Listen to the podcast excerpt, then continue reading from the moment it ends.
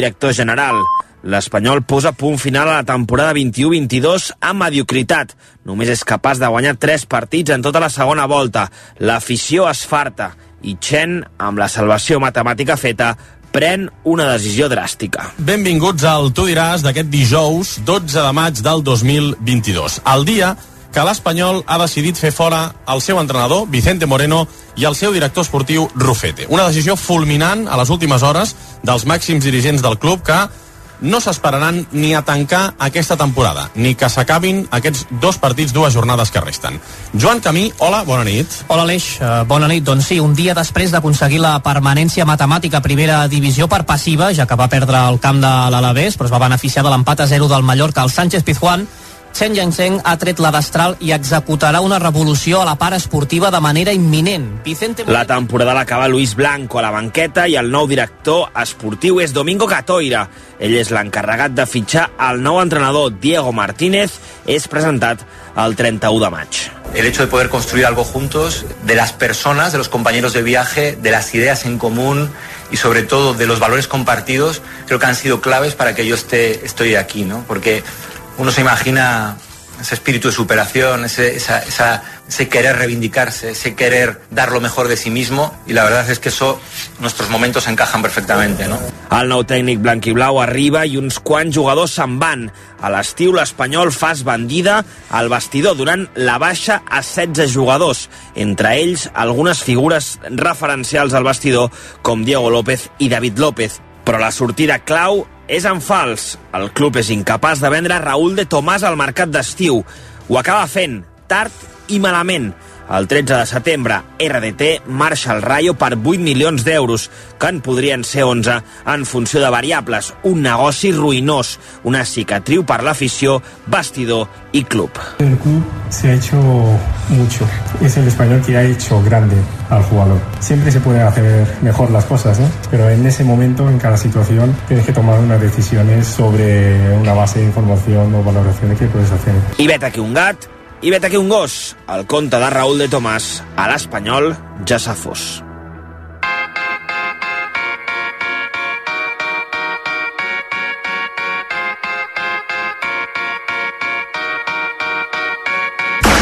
La primera part de la temporada actual, la 2022-2023, és força discreta.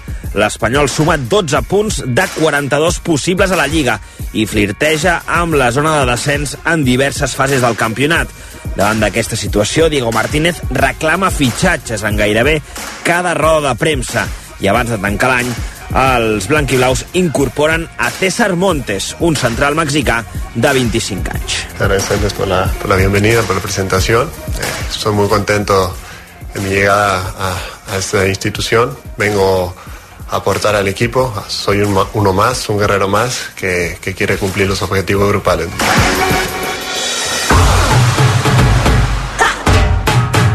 Resum esportiu de l'any 2022. L'any de les palanques. L'any del Mundial de Messi. Paraula aguda de sis lletres que defineix l'any del Girona.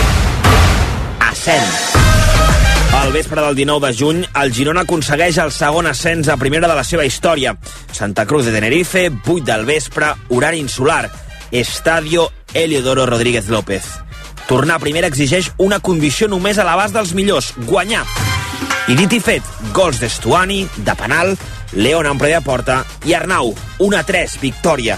Girona és de primera. El penal està xiulat, hi ha hagut suspens perquè l'àrbitre ha trigat molt en xiular-lo i ara tota Girona està empenyent el peu d'Estuani tot Tenerife està posant ales voladores a l'Àngel Soriano aviam què passa en aquesta jugada perquè pot definir el partit, l'eliminatòria i les opcions d'ascens 41 de partit, el Girona picarà penal a l'Heliodoro quan queden 19 minuts per les 10 de la nit a la península per les 9 a les Canàries i va Estuani amb el peu dret, xuta gol! Gol, gol, gol, gol, gol, gol, gol, gol, gol, gol, gol, gol, gol, Aviam, Samu recupera la pilota al cercle central, per davant Estuani, a la dreta Baena, Samu li fa la passada, rep la pilota Baena, és dins l'àrea, farà la centrada, un rebot, gol! Gol! Gol, gol, gol, gol, gol, gol, gol, gol, gol, gol, gol, gol, gol, gol, Aviam, la falta que pica l'eix. Segon pal, la rematada gol! Gol! Gol! Arnau! Arnau! Arnau! Arnau! Arnau! Arnau, Arnau, Hoy en el campo no había dudas, al revés. Un ambiente espectacular a favor del Tenerife con una afición volcada y nosotros hemos generado, hemos tenido el balón, hemos ido por el rival. Poco a poco nos hemos ido agrandando en, en el juego. Ho he passat malament, no enganyaré. Eh, els últims tres anys eh, crec que s'han fet anys eh, fantàstics, que s'ha lluitat fins al final. Hem sigut víctimes del que hem generat, no? I quan tu toques la primera edició i quan fas eh, coses tan grans com guanyar al Bernabéu o, o guanyar el Madrid a casa o, o empatar el Nou Camp eh, la gent ja viu des d'aquell punt, no? I crec que això és una miqueta el que crec que tenim que aprendre tots els, la gent de Girona. Hem de ser molt humils sempre. Traca monumental, la plaça Independència, bengales, petards... Ha començat a arribar gent, jo crec, d'altres llocs, perquè la gent s'ha multiplicant i la imatge ara és el vermell de la bengala amb un munt de jovent, sobretot, evidentment, que s'apunta a la festa enmig de plaça Independència per celebrar aquest ascens. Eh, no sé si m'escolteu, però la cridòria és important i, i en fi, ha començat la celebració, eh? Només acaba de començar. El 19 de juny de 2022 és una rebella de Sant Joan anticipada. Ara que sabem que la història té un final feliç, cal mirar enrere. Situem-nos a l'última jornada de la Lliga. Després d'un empat a Burgos, amb una intervenció vital del porter Juan Carlos, el Girona es planta a la sisena promoció d'ascens. Era sisè, menys favorit que mai, però aquesta vegada va sonar la flauta. Tenerife va ser l'illa del tresor, però per arribar-hi es va fer escala a Eibar, un lloc amagat entre muntanyes, hostil, fosc i inhòspit. Gairebé tenebrós i va costar Déu i ajuda arribar fins aquí, sobretot per la derrota a l'anada contra els bascos. A la tornada calia una victòria de dos gols. Borja va fer el primer només començar. Pica la pilota Lozano, la penja a l'àrea, el refús de la defensa, gol afrontant l'engal de Borja, gol! Gol, gol, gol, gol, gol, gol, gol, gol, gol, gol, gol, Juan Carlos va tornar a salvar el somni. Ataca per l'esquerra, centre del camp de camp! Juan Carlos! Ui. Quina aturada de Juan Carlos! Monumental! A la Burgos i de les grans Ui. intervencions que li hem vist aquesta temporada! I el travesser es va aliar amb el Girona. A la pròrroga, Stuani, després del vistiplau del bar, va comprar el bitllet cap a la final. Gol!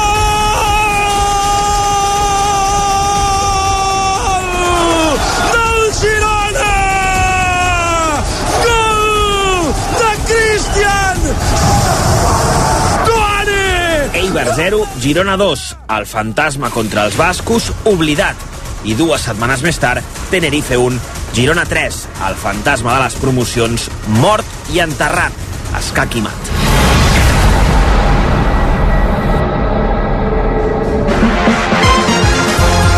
Va ser la temporada de la confirmació de Bueno i d'Arnau, de l'excel·lència d'Aleix Garcia i Pol Lozano, del descobriment de Baena, de l'olfacte del de sempre, és a dir, d'Estuani i de l'aterratge de Mitchell va acabar aclamat a la plaça del Vi.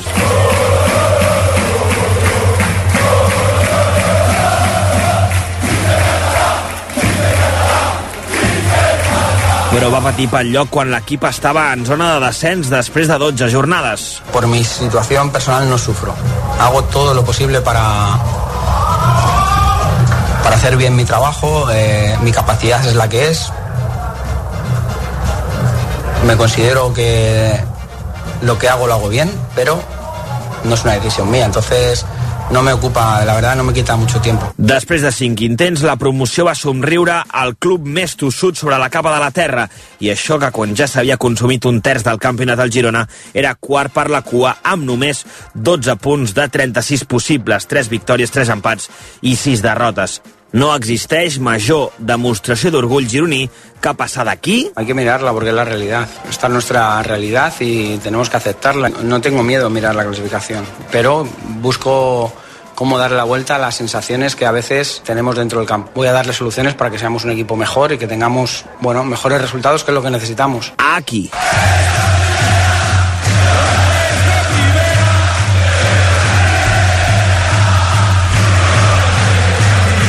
I en la temporada del retorn ja s'ha celebrat, per exemple, un empat al Bernabéu, que vinguin moltes alegries més i, sobretot, que el camí del Girona primera sigui ben llarg.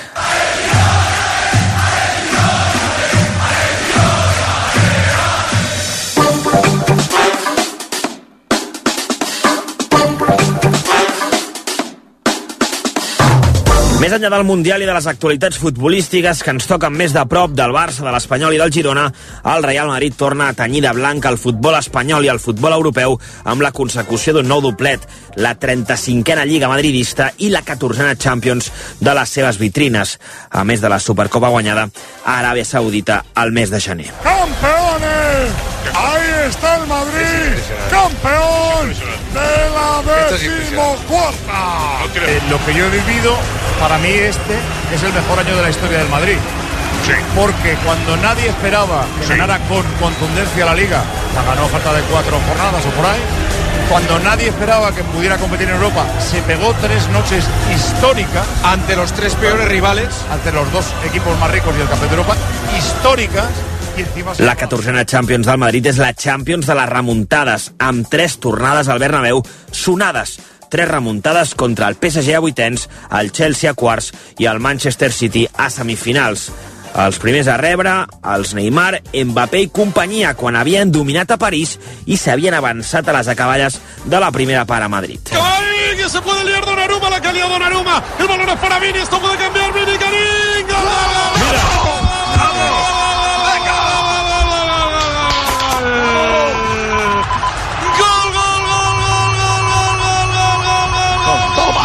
Espera que hi torna el Madrid. El Madrid que ha rebut dos banys i està un altre gol de passar. increïble. Gol de Benzema. Increïble.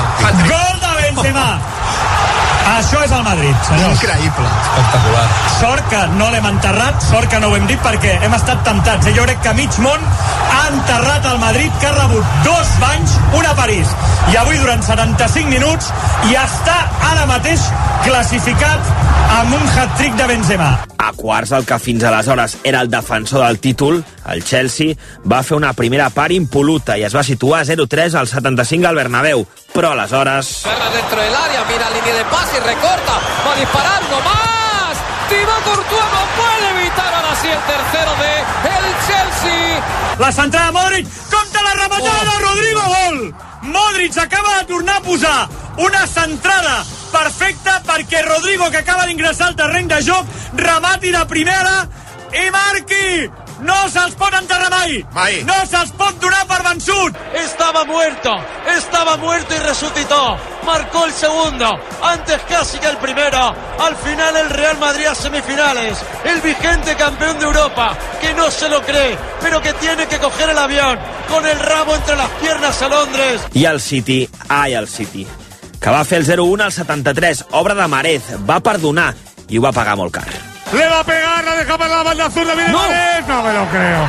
No. Gol del Manchester City. Marca Riyad Mahrez. Un Nada, golazo segundo, tremendo. 73 de partido se la dejó Bernardo Silva. qué gol mete. Le pegó un bananazo de locos. Que estamos contra las cuerdas. Es que ahora Queda un cuartito de hora, ¿eh? hay que... hay que- Vamos a por ellos. Se nos ha complicado la película, señores. 0-1. Ya está perdonant. Grealish, no! A punt de marcar Grealish una altra vegada. No perdoneu tant, que això és el Bernabéu i això encara no s'ha acabat. La. Gol, gol, vamos, bro, vámonos, vamos. Vamos, vamos. Cuidado, ¿eh? Vamos, vamos. Carvajal aixeca el cap, posa una centrada, gol. Eh, Increïble. No és futbol, és un fenomen paranormal. Una vegada més, salta a la banqueta, és inexplicable. ha vuelto a resucitar en esta su competición, en la que dicen los envidiosos que tiene mucha suerte. Hoy el Real Madrid vuelve a demostrar que no tiene suerte, que tiene fútbol, que tiene jugadores de calidad, que tiene embrujo, que tiene pelotas, que tiene lo que tiene el equipo que más entorchados ha conseguido en la historia de esta competición. El gol de Marez, minimizado por el tanto de Rodrigo. No quedaba nada. Parecía, repito, que esto estaba terminado. Y a partir de ahí, madre de mi vida, otra gesta para la historia. A la final, a Sant-Denis, a l'estat de France, un gol de Vinícius en el 59 li va donar el títol al conjunt blanc, guanyant per la mínima contra el Liverpool. Una Champions que sempre, sempre, sempre anirà lligada a un nom i un cognom, el de Karim Benzema, 15 gols que li van fer valer una pilota d'or, la primera de la seva trajectòria esportiva. A la Copa el Madrid es queda quarts, eliminat per l'Atlètic Club de Bilbao, precisament el que va ser també el butxí del Barça, a vuitens i qui acaba alçant el títol és el Betis. El Betis de Pellegrini, de Joaquín, de Borja Iglesias, de Marc Bartra o de l'ex blaugrana Juan Miranda, que nota el penal decisiu en la tanda. De las noches más felices de mi vida, por supuesto. Buenas noches a todo el mundo. No somos ni mejores ni peores, pero tenemos un algo, tenemos un, una pasión y una forma de, de, de, de, acariciar las cosas diferentes y, y eso, eso es el Betis. Y, y así, y así lo sentimos y así vivimos, ¿no? A les grans lligues europees, el City s'alça amb la Premier. El Milan s'imposa en la Sèrie A. El PSG a la Lliga Francesa i el Bayern no falla i alça la desena Bundesliga consecutiva.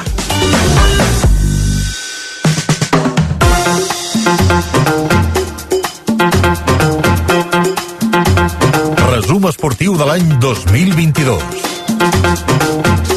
L'any de les palanques. L'any del Mundial de Messi. L'any 2022 passarà a la història per ser l'any de la gran explosió del futbol femení, l'any de l'obertura dels grans estadis i de l'assistència massiva d'espectadors en partits de futbol femení. Tenim xifra oficial d'assistència avui al Camp Nou. Tots d'en peus. Poseu-vos tots d'en peus perquè hem aconseguit el rècord mundial d'assistència en un partit de futbol femení. Avui hi ha 91.553 espectadors al Camp Nou. 91.553 espectadors al Camp Nou.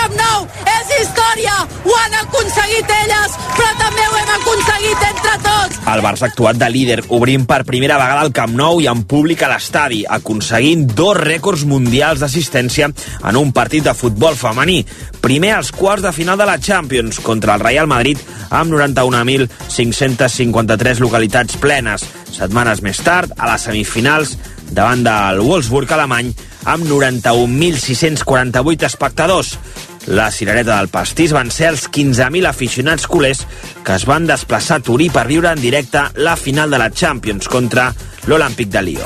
El dia i l'actualitat del dia no passen tant per Galícia com per Itàlia, per la capital del Piemont, per Turí, que avui és mig catalana. Milers i milers i milers de culers que es desplacen, ho estan fent ara, ho fan des d'ahir a la nit, cap allà en cotxe privat, en autocar, en avió, per mirar de comprar tiquets per la història, un cop més aquesta temporada. El Barça femení, l'equip que ara mateix és la brúixola i l'exemple a seguir de tot el club, ho ha tornat a fer abans de començar. Avui hi haurà un dels desplaçaments més massius que recorden a la història del futbol femení. Estem parlant d'entre 10 i 15.000 aficionats viatjant a Itàlia a colonitzar Turí per viure la final de la Champions contra, el, a més a més, el que ha estat el gran dominador del futbol femení continental de l'última dècada, l'Olímpic de Lió. També s'han aconseguit bats de rècords a Alemanya, França i Anglaterra. El país anglosaxó ha estat la seu d'una Eurocopa que marcarà un abans i un després per tots els espectadors que hi van haver als estadis i també per les audiències de televisió i el creixement a les xarxes socials. 87.192 persones van presenciar a Wembley com Anglaterra guanyava la seva primera euro davant Alemanya.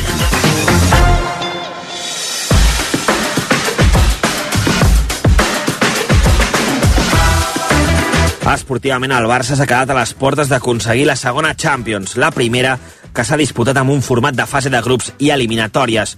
El primer desplaçament massiu de la història del Barça femení es va quedar sense títol. L'Olímpic de Lió va tornar a fer gala de la seva classe i dels motius pels quals són vuit vegades campiones d'Europa. Van tornar d'aquesta manera els fantasmes de Budapest. Les franceses van encarar la final ràpidament. El Barça es va quedar sense resposta i va acabar perdent per 3 gols a 1. La resta de títols, però, no es van escapar van aconseguir la primera lliga perfecta de la història, 30 victòries en 30 partits, i també van guanyar la Copa de la Reina i la Supercopa. Ara sí que Shevchenko comença a obrir el sobre que diu el nom de la guanyadora de la pilota d'or de la temporada 2021 i 2022 i és Alexia Putelles. Es compleixen els pronòstics per la jugadora catalana, per la capitana del Barça, que puja ja a les escales d'aquest escenari del Teatre du.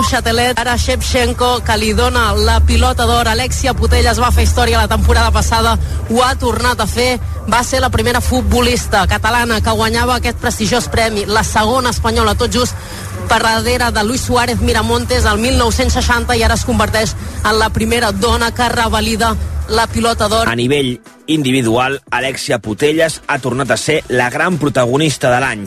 La capitana del Barça ha guanyat la seva segona pilota d'or consecutiva.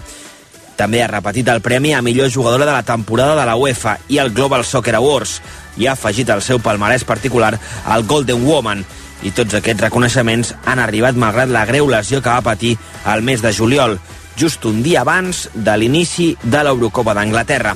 Alexis va trencar els creuats en un entrenament, una lesió que la deixava fora del somni de l'Euro i fora de l'equip fins ben entrat el 2023. Números en mà, però havia sigut clarament la millor jugadora de la temporada millor jugadora i màxima golejadora de la Champions, amb 11 gols i uns números de davantera amb 42 gols i 23 assistències entre el Barça i la selecció espanyola. La capitana blaugrana va ser clau en els èxits del seu equip, apareixent sempre en els moments més complicats i desencallant els partits. Va bien, va bien, pero no te voy a engañar y he hecho mucho de menos todos esos momentos, sentirme futbolista y, y hacer lo que más me gusta. Lo he hecho mucho menos, verdad. Parlant de noms propis, el Barça s'ha reforçat entre d'altres amb Lucy Brons i Keira Walsh, en el capítol de sortides, dues jugadores importants com Lique Martens i Jenny Hermoso han abandonat el Barça i Melanie Serrano, després de 18 temporades, ha penjat les botes, una jugadora històrica del Barça i imprescindible per entendre l'evolució del futbol femení. El 2022 també ha estat l'any, per fi, de la professionalització de la Lliga Femenina de Futbol, l'anomenada Lliga F, pel camí, això sí, molts entrebancs i una lluita aferrissada entre la federació i el nou ens. Finalment, després d'una primera jornada marcada per l'aturada de les àrbitres, al setembre es van disputar els primers partits. La Lliga F ha arrencat amb dos catalans a la màxima divisió, el Barça i el Levante Las Planes. L'equip de Sant Joan d'Espí va derrotar l'Espanyol en l'última jornada per proclamar-se campiones de Lliga i ascendir. Les blanquiblaves també optaven a l'ascens en cas de victòria. Ara sí, final 3 a 0 i festa aquí a Sant Joan d'Espí. Ha saltat molta mainada, sobretot jo crec que jugadors i jugadores de la base d'aquest eh, club de futbol del Levante Les Planes per celebrar l'ascens a la màxima categoria del futbol espanyol. I van ser des del 2012 al 2014 el club que va canviar d'abans, eh, ha anat canviant també de, d'entrenadors, però ara ja porten tres ascensos consecutius, tots ells amb Ferran Cabello d'entrenador, un dels artífecs d'aquest eh, ascens a la primera divisió. El Levante Les Planes acompanyarà el Barça com a clubs catalans. En la màxima categoria, l'Espanyol es quedarà per segona temporada consecutiva a la segona divisió. I si el capítol de la professionalització de la Lliga F encara continuarà el 2023, l'embolic que hi ha a la selecció espanyola promet ser un dels temes estrella de l'any que ve.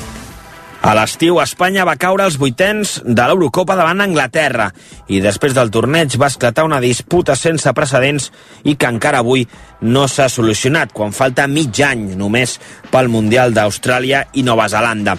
Una bona part de les jugadores van exigir canvis a la federació per augmentar el nivell i aspirar d'una vegada per totes a guanyar títols. La federació, però, va blindar el seleccionador Jorge Vilda i 15 jugadores van renunciar a la selecció.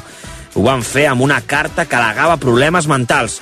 Indirectament, les tres capitanes, Irene Paredes, Alexia Putelles i Jenny Hermoso, també van donar suport a la iniciativa i, de moment, tampoc han tornat a una convocatòria. En aquesta guerra, per cert, no hi participa el Real Madrid, que va recomanar a les seves jugadores que continuessin a la selecció espanyola perquè fossin la base de l'equip.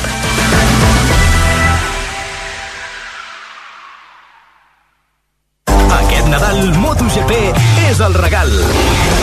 Al setembre de 2023 tens una cita amb el Gran Premi Monster Energy de Catalunya de MotoGP al circuit de Barcelona-Catalunya. Compra ara i beneficia't d'un 20% de descompte en l'abonament de 3 dies. Només fins al 5 de gener. Entrades a la venda a circuit.cat. Saps la panificadora multifunció amb 27 programes, temperatura controlada de fermentació, 4 pales de pastament i receptari que vas comprar per fer pa casolà i ara l'única cosa que fa és acumular pols? Home, dóna-li una altra oportunitat, no? Fes una baguette, una xapata, un pa de motlla... Perquè tot es mereix una segona oportunitat, aquest 6 de gener, dóna-la també als teus somnis. Sorteig del Niño de Loteria Nacional amb 700 milions en premis. Loteries et recorda que juguis amb responsabilitat i només si ets major d'edat.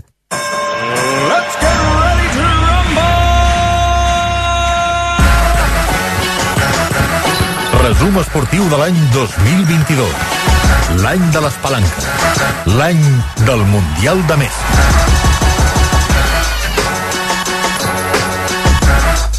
Deixo de jugar a bàsquet, no vull utilitzar la paraula retirada perquè, perquè en realitat no em retiro de, del món del bàsquet, simplement crec que el me'l miraré d'una altra banda. A mi el meu idili amb aquest esport no s'ha acabat i també en part per això ho deixo d'ara perquè no vull que se m'acabi. El 2022 ha sigut l'any de la retirada de Laia Palau. La jugadora més important en la història del bàsquet català ha penjat les botes als 42 anys, després de 27 temporades com a professional, i en el seu llegat hi deixa un record inabastable de 315 internacionalitats amb una plata olímpica i una plata mundial com a títols més importants. El record de partits disputats a l'Eurolliga amb dos títols i l'haver sumat 14 títols de Lliga en els sis clubs que ha jugat. Però per damunt de tot, Laia Palau s'emporta un reconeixement que va més enllà del bàsquet i que arriba a tota la societat en general. Marc Mundet. Reconec que no m'ha costat triar. És cert que tot el que li passi al Barça sembla que hagi de ser més important per decret llei en aquest país, però no. És cert que el 2022 a Manresa ha estat irrepetible, però no. És cert que Jordi Fernández va esdevenir el primer entrenador català en dirigir una franquícia NBA, però no. Laia Palau és la cara d'aquest any que deixem enrere. 27 temporades, tu. Des dels 16 anys jugant fins als 42. De nena prodigi a l'universitari a llegenda del bàsquet català i europeu a l'Uni Girona. Una tia normal, que transcendeix l'esport, que lluita per les dones i el bàsquet per igual. Algú que tots la sentim una mica nostra, per com és i perquè sempre hi ha sigut. Un exemple. Se n'ha anat, com m'agrada dir-li, la jefa. Laia Palau ha continuat lligada al bàsquet a l'Uni Girona, on n'ha passat a ser directora esportiva i liderant el projecte que aquesta temporada entrena Bernat Canut. 3, 2, 1, final, s'ha acabat. Manresa ha perdut la seva primera final de la història. Manresa 87, Tenerife 98. Els aplaudiments. Escolteu, escolteu, escolteu la grada del Congost. El 2022 té un color, el vermell. El 2022 també té una ciutat, Bilbao. Més de 5.000 manresans van omplir la capital viscaïna per viure-hi la primera final continental en els més de 90 anys d'història del club perquè l'any que deixem enrere ha sigut inoblidable al Nou Congost. Noms com Chima Moneke, Joe Thomason, Silvan Francisco o Yankuba Sima han quedat per sempre en la memòria del Pla del Bages. Liderat per Pedro Martínez, l'equip va jugar per primera vegada en 18 anys la Copa i va estar-se tota la temporada en playoff.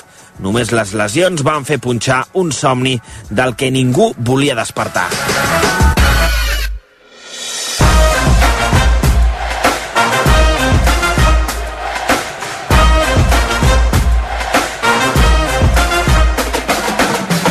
I un diumenge de començaments de juny vam tenir un ensurt dels grossos.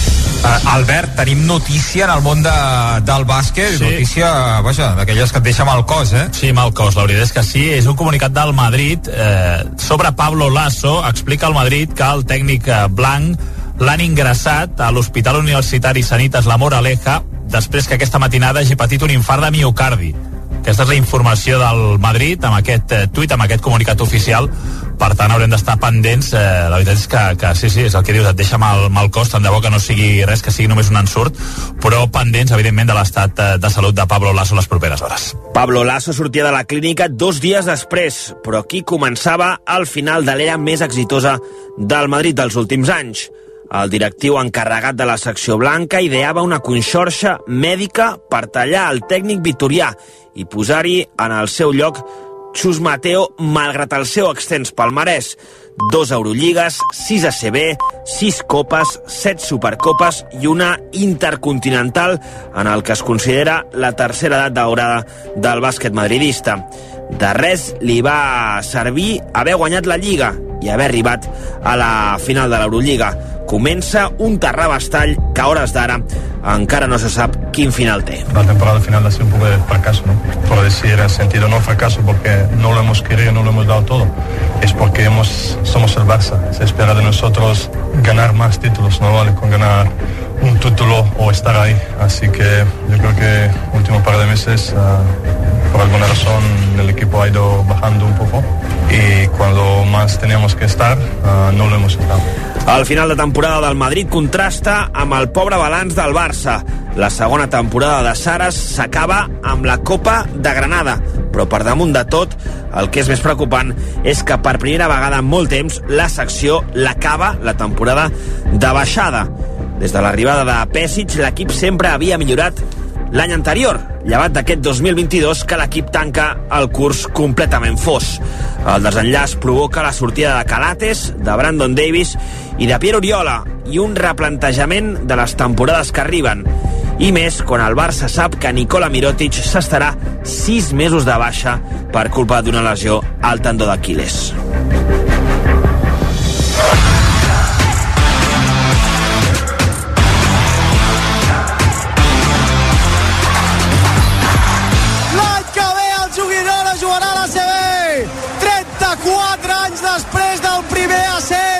Efectivament, Girona ha estat de moda en aquest 2022. Ja va arrencar amb un equip de bàsquet en plena progressió, després que Marc Gasol decidís baixar del despatx a la pista quan l'equip fregava les posicions de descens a l'Alep Plata però una feina de formiga i també, per què no dir-ho, saber jugar bé les cartes a l'hora de demanar la seu de la Final Four per pujar a la CB fan que Fontejau es faci notar a l'hora de la veritat. Pels amants de les dades, el bàsquet Girona va pujar el 19 de juny amb Jordi Sargatal com a entrenador. A la gent, ho sento.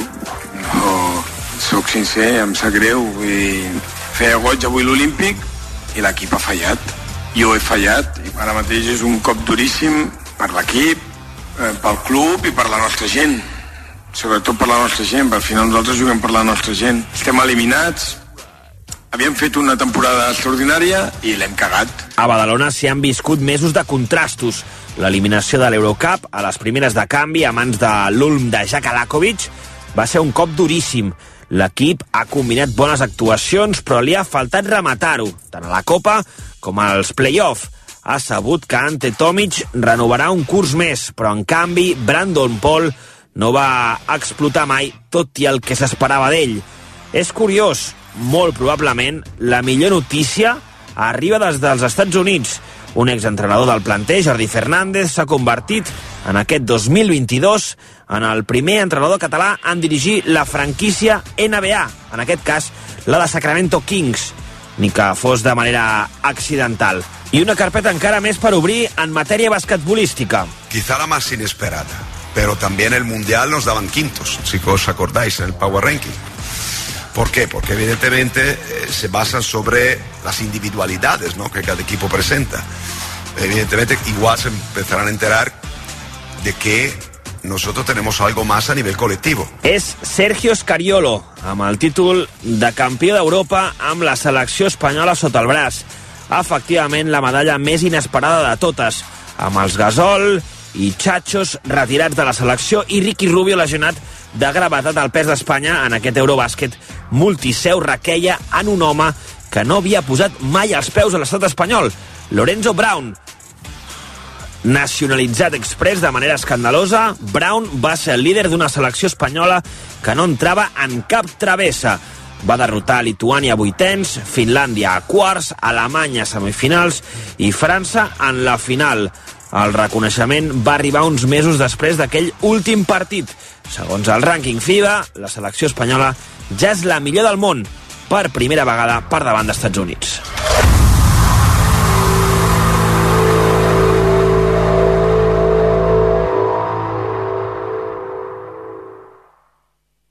Les teves festes amb vins i caves Terra Terrae.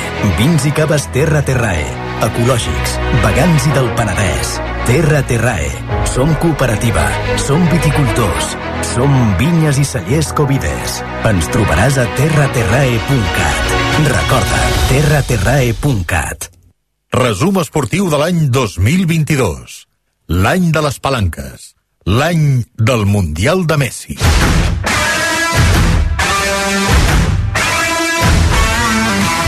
capital.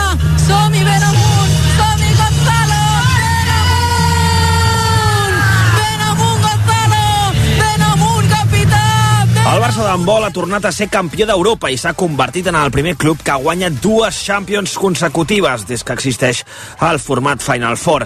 En la primera temporada de Carlos Ortega a la banqueta, una de les més convulses dels últims temps per tots els canvis, el Barça ha tornat a tocar el cel a Colònia amb l'onzena Champions de la història del club després de derrotar el Kilche en una final d'infart que es va decidir als penals. El capità, Gonzalo Pérez de Vargas, va ser clau aturant uns 7 metres i Ludovic Fàbregas va transformar el penal de la victòria. Si Ludovic Fàbregas fa aquest gol, el Barça és campió d'Europa. Som-hi, Ludo!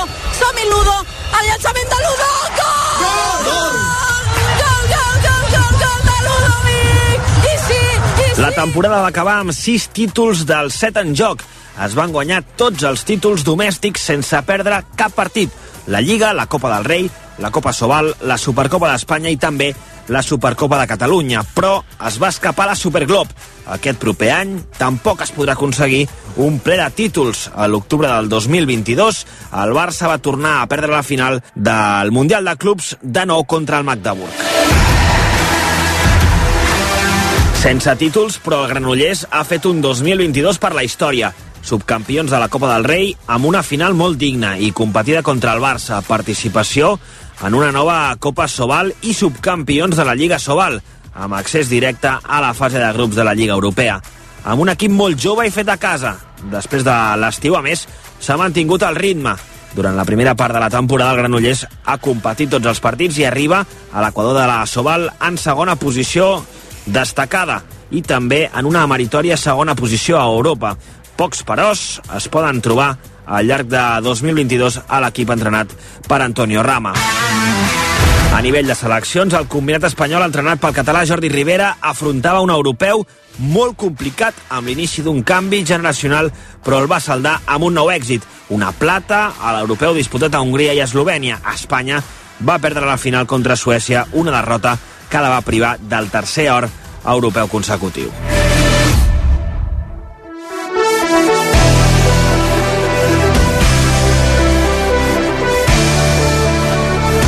També Europa somriu al Barça en matèria de futbol sala. De fet, l'any 2022 és un any pràcticament immaculat per al Barça. La temporada acaba amb un 4 de 5 en títols per al conjunt que dirigeix Jesús Velasco. En el primer curs del tècnic a la banqueta, l'equip laurana aixeca la quarta Champions League de la secció, la Copa d'Espanya, la Supercopa i, finalment, la Lliga. Botzina i s'acaba. S'acaba la Lliga de Futbol Sala, s'acaba aquesta final. Els jugadors del Barça ho celebren. Pinya la pista, salta la banqueta, s'abraça Velasco amb la resta del cos tècnic. El Barça és campió, campió de Lliga d'una temporada per no oblidar. Quina temporada, 4 de 5. És el sisè títol de Lliga, el segon consecutiu i l'encarregat d'aixecar-la és Kerdinya, un dels grans noms del futbol sala europeu i mundial dels últims anys que es va retirar de manera somiada. ¿Qué más puedo pedir, no? El fútbol sala y, y el, el Dios me ha dado todo el privilegio, el honor de, de jugar en ese, en ese club. Mira, acabar ganando la liga, toda la temporada con los éxitos que hemos tenido. Es, la verdad es que es un orgullo hacer parte de ese club, de, de esa plantilla. Y va, no pedir nada. Aquella escena és un preludi d'un estiu de canvis amb la sessió de Bernat Pubill a l'Indústries i amb l'arribada de Sergio González, Antonio Pérez i de Juanjo Catela. Tres cares noves per rejuvenir el projecte de Velasco i per intentar optar a tot. El camí de reeditar la Champions, però al Barça se li ennuega la fase elite, l'últim peatge cap a la final a 4 europea. una sensació molt dolenta, de frustració, de, de ràbia, d'impotència, evidentment ràbia per nosaltres mateixos també, no? perquè sabem que, que, bueno, que segurament bueno, no, segurament no, 100% ha sigut culpa nostra i, i també doncs, la frustració d'haver estat molt a punt d'aconseguir una gesta que era molt difícil, però, però finalment tampoc ha pogut ser. És la gran taca negra a un 2022 sensacional per al Barça que passarà la història sobretot per la final immaculada de l'edició passada de la Champions guanyada a l'Sporting de Lisboa. Al Barça se li escava també la Copa del Rei, que va guanyar l'Antequera, un equip de segona divisió, en una de les gestes més bèsties del món de l'esport dels últims anys. L'Antequera elimina l'Indústria Santa Coloma en les terceres semifinals consecutives de la competició del cau pels colomencs. Allò suposa un final de cicle al club. Javi Rodríguez, el mito, abandona la banqueta colomenca per marxar al Pozo, una sortida un pèl controvertida. I puntals de l'equip com Sepe o Drahovski també fan les maletes per deixar pas a un equip molt jove, format per jugadors del futbol sala català i dirigit per Xavi Closes, que deixa el filial del Barça B per començar la seva primera aventura com a tècnic de primera divisió. Resum esportiu de l'any 2022. L'any de les palanques. L'any del Mundial de Messi. L'any tenístic és un any que s'explica a través dels noms. Els que arriben per quedar-s'hi i els que marxen per sempre i deixen un buit molt complicat d'omplir. El 2022, sense cap mena de dubte, serà recordat per l'any del comiat de Roger Federer, un dels millors de tots els temps, el més elegant, una de les potes del Big Three. It's been a, uh, it's been a... Ha estat un dia meravellós. Els he dit als nois que estic feliç i no estic trist.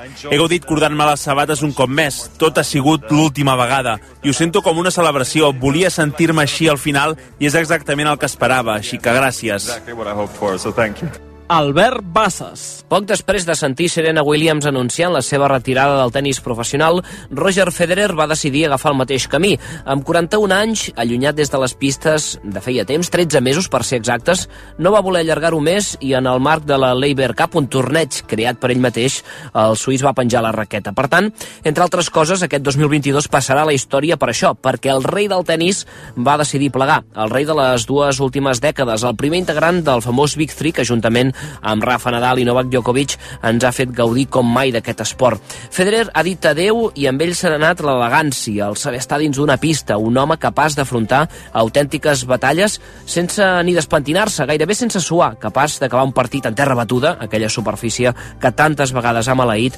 sense ni tan sols embrutar-se. Federer ho ha deixat amb menys grans slams que els seus dos grans rivals, un menys que el serbi i dos menys que el balear, i fins i tot tampoc podrà ostentar el rècord de setmanes com a número 1 superat aquest mateix any precisament per Djokovic, just abans que Alcaraz del rellevés. Ara bé, tots tenim clar que en aquest 2022 no ha plegat un tenista qualsevol, ha plegat una llegenda i més enllà dels títols i dels rècords, el que quedarà segur per sempre és la seva figura, el seu llegat que serà recordat no només en el món del tennis, sinó en l'esport en general. Entre llàgrimes, després de molts problemes amb les lesions i amb un duel de dobles de la Labour Cup, una competició que ell mateix organitza, i colze amb colze amb el seu gran rival i amic Rafa Nadal. of course, uh, be on court, uh, having. Evidentment, estar a la pista i tenir en Roger al meu costat és una cosa que estava esperant amb ganes.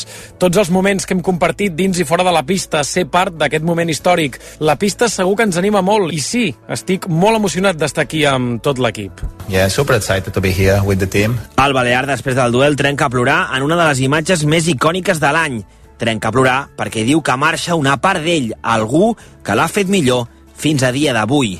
El Balear segur que recorda el 2022 pel comiat de Federer, però també perquè s'ha situat en solitari al capdavant del rànquing de guanyadors de Grand Slams guanyats, 22, després d'alçar el seu segon Open d'Austràlia i el seu 14è Roland Garros. Han sido dos semanas eh, emocionantes, sin ninguna duda, ¿no? Eh, todo lo que se ha vivido aquí con un cuadro que había sido, creo que realmente difícil, el sorteo, y se ha podido eh, ganar de una manera difícil, ganando creo que a cuatro top tens, con lo cual... Nadal acaba l'any en el segon lloc del rànquing mundial, amb l'ombra allargada de les seves lesions pendent de què passarà el 2023 i amb el triomf en els dos primers grans slams de l'any com a grans fites del curs. Nadal a Austràlia i a París, Djokovic a Wimbledon i Carlos Alcaraz a Estats Units.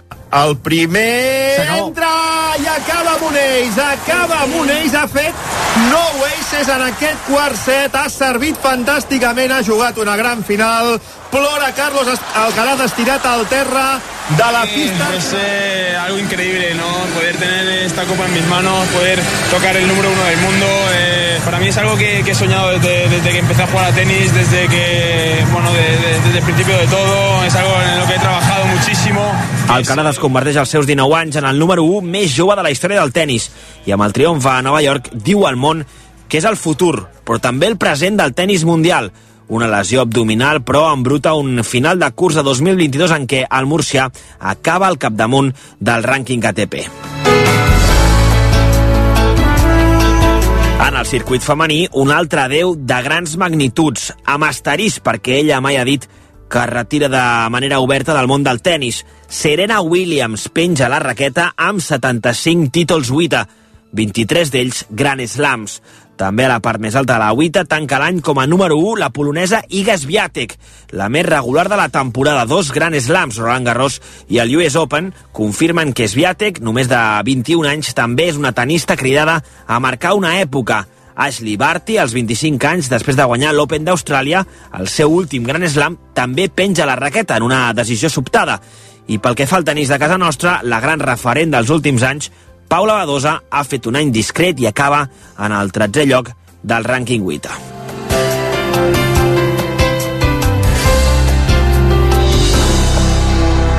Resum esportiu de l'any 2022. L'any de les palanques. L'any del Mundial de Messi.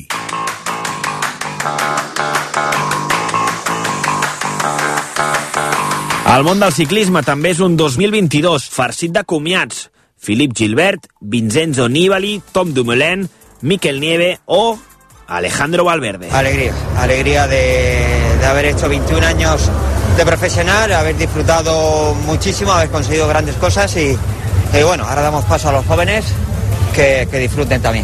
El murcià penja la bicicleta després de més de dues dècades sent professional.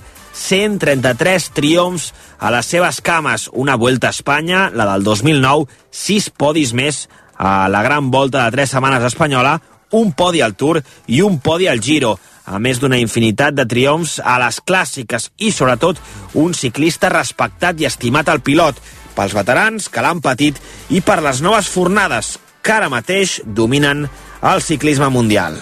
It looks like Jai Hindley might have wrestled control of the Giro d'Italia. It looks like this might be enough to win the race overall. A brilliant ride from the Australian.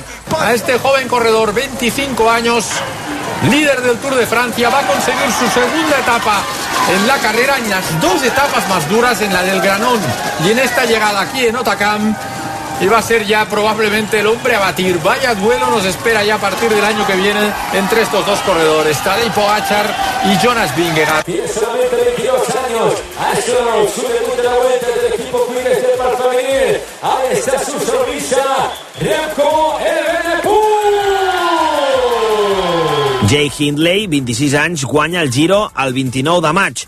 Jonas Vingegaard, de 26 anys, també s'imposa als Camps Elisis el 24 de juliol, després d'un dels millors tours de la història, protagonitzant una gran batalla amb l'eslové Taya i Pogacar.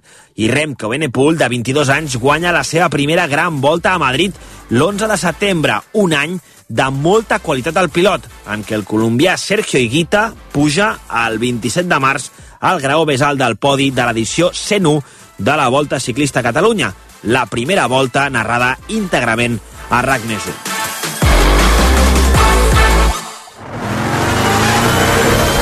La primera gran cita de l'any esportiva és sempre el Dakar.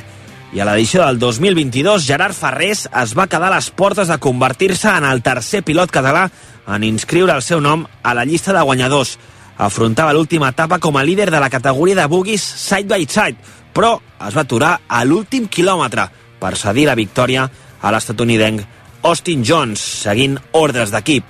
Quan tens la, la victòria tan a prop, eh, penses moltes coses, però, però sempre he sigut una persona de, de compromís, eh, de treball en equip, eh, de professionalitat, no? I, i tenia molt clar doncs, el que havia fet l'equip per mi i quin era l'objectiu de, de l'equip i meu, no? Tot just creuar la línia d'arribada, els responsables de South Racing li van garantir un volant per l'edició de 2023. A MotoGP, 2022 ha estat el gran any de Ducati. Pecco Bagnaia s'ha convertit en el primer campió de la marca des de Casey Stoner el 2007 i en el primer italià en guanyar el Mundial de la màxima categoria després de Valentino Rossi el 2009. El campionat no es va decidir fins l'última cursa a València, amb el francès Fabio Quartararo, que defensava Corona segon, i Enea Bastianini tercer. La revelació, però, ha estat el català d'Aprilia, Aleix Espargaró, que després de 18 anys al Mundial aconseguia el 3 d'abril al circuit argentí de Termes de Rio Hondo la seva primera victòria. Argentina va ser tot el cap de setmana molt especial, no? Vam ser competitius totes les sessions i vaig aconseguir alguna molt, molt difícil d'aconseguir, que és, eh, és fer la pole, fer la volta ràpida, guanyar la cursa i a sobre posar-me líder del campionat, així que va ser difícil de, de digerir-ho tot plegat, molt content, molt orgullós sobretot d'haver aconseguit alguna així. Ha pujat cinc vegades més al podi i ha acabat quart al campionat, havent estat en la lluita pel títol fins la penúltima cursa. Un 2022 que ha estat un altre any perdut per Marc Márquez, que no ha guanyat cap cursa i se n'ha perdut vuit, dues per diplòpia i sis per una altra operació, la quarta del braç dret lesionat el 2020 va anunciar que tornaria al quiròfan el dissabte d'entrenaments del Gran Premi d'Itàlia. Era 28 de maig i ho va explicar en directe al Superesports des del seu camió, oficina al paddock de Mugello. És una mala notícia però bona, perquè mm, sí, és una mala notícia, t'has de tornar a operar, però és bona perquè hi ha un problema, eh, clar, eh, i és això on, eh, bueno, tinc 29 anys, eh, sí que és molt dur psicològicament a tornar a superar, tornar a tenir una recuperació tan, eh, tan llarga, però eh, tinc un objectiu clar, eh, soc un lluitador i la meva passió són les motos, ho intentaré fer tot i més dintre d'uns límits per eh, continuar. Sembla que Márquez per fi té solucionada la lesió al braç dret i Austràlia fa segon, l'únic podi del curs. El guanyador de Phillip Island va ser un altre català, Àlex Rins, que va repetir victòria a l'última cursa de València per rubricar de manera brillant el dolorós comiat de la seva marca, Suzuki, de MotoGP. I l'any no ha estat prolífic pels pilots catalans, però ha portat dos títols mundials a Mallorca, el de Moto3 d'Izan Guevara i el de Moto2 d'Augusto Fernández, nascut a Madrid, però crescut i resident a l'illa gran de les Balears. A la Fórmula 1, l'any que deixem, ha estat un passeig militar de Max Verstappen, rècord de victòries en una temporada 14 en 20 curses i segon títol del palmarès per l'irlandès de Red Bull. Carlos Sainz Jr. va aconseguir el 3 de juliol a Silverstone, escenari del Gran Premi de la Gran Bretanya, la primera victòria a la categoria reina de l'automobilisme, acabat cinquè del campionat. I Fernando Alonso ha decidit canviar d'equip després de tancar l'any sense pujar al podi. Deixa el PIN per córrer l'any que ve i amb 41 anys a Aston Martin. I com cada any, des de 2007, no pot faltar el resum esportiu del 2022 el nom de Toni Bou, l'únic pilot català que ha estat campió del món, dues vegades més, amb els títols mundials de trial i trial indoor d'enguany ja en suma ni més ni menys que 32.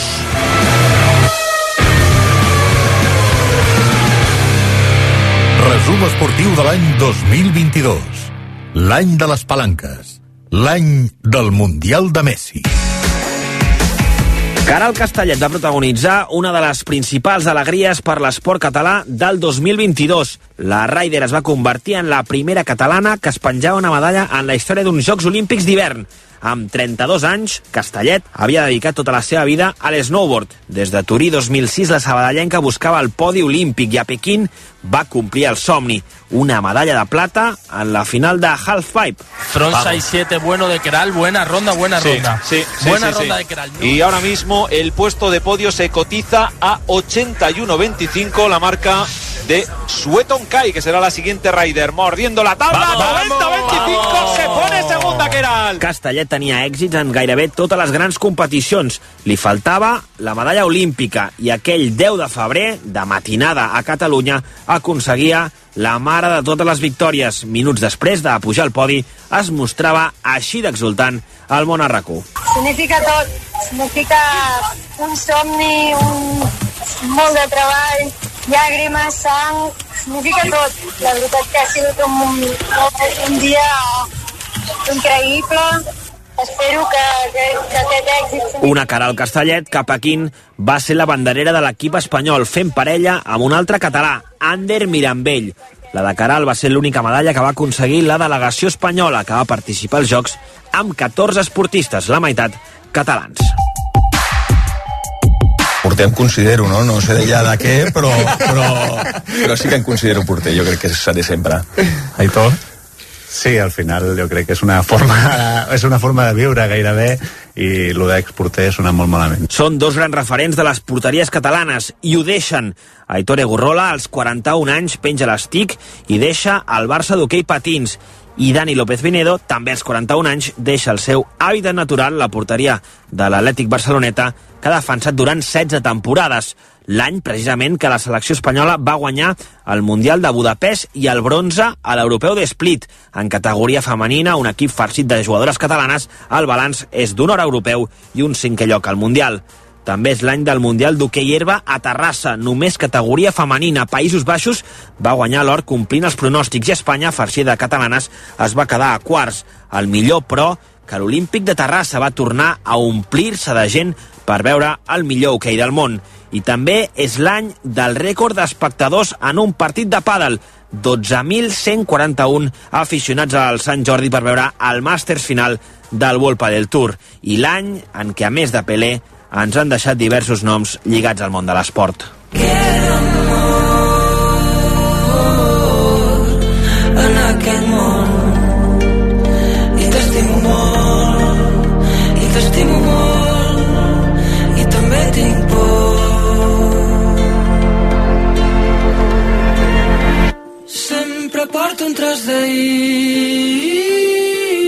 Claudi Biern, Mino Rayola, José Manuel Llaneza, Freddy Rincón, Isidra Sala y Paco Gento, Javier Imbroda, Pedro Ferrandiz, Encarna Hernández, la chica del gancho, Ademola Oculaya, Miguel Ángel Martín, Alexandra Axensi, Pato Álvarez y Nick Boletieri, Joan Amat, David Rebellín, Pep Vilà, Ricardo Bofill i Josep Martínez Uller, Alfons Azuara, Xema Bat, Josep Maria Parelló i Dani Badia, allà on estigueu, una abraçada ben gran.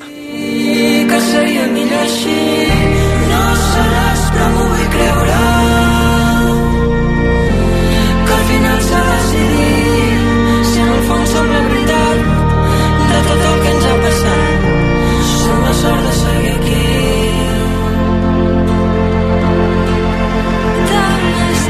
Resum esportiu de l'any 2022. L'any de les palanques. L'any del Mundial de Messi. cel de llums per fer-te feliç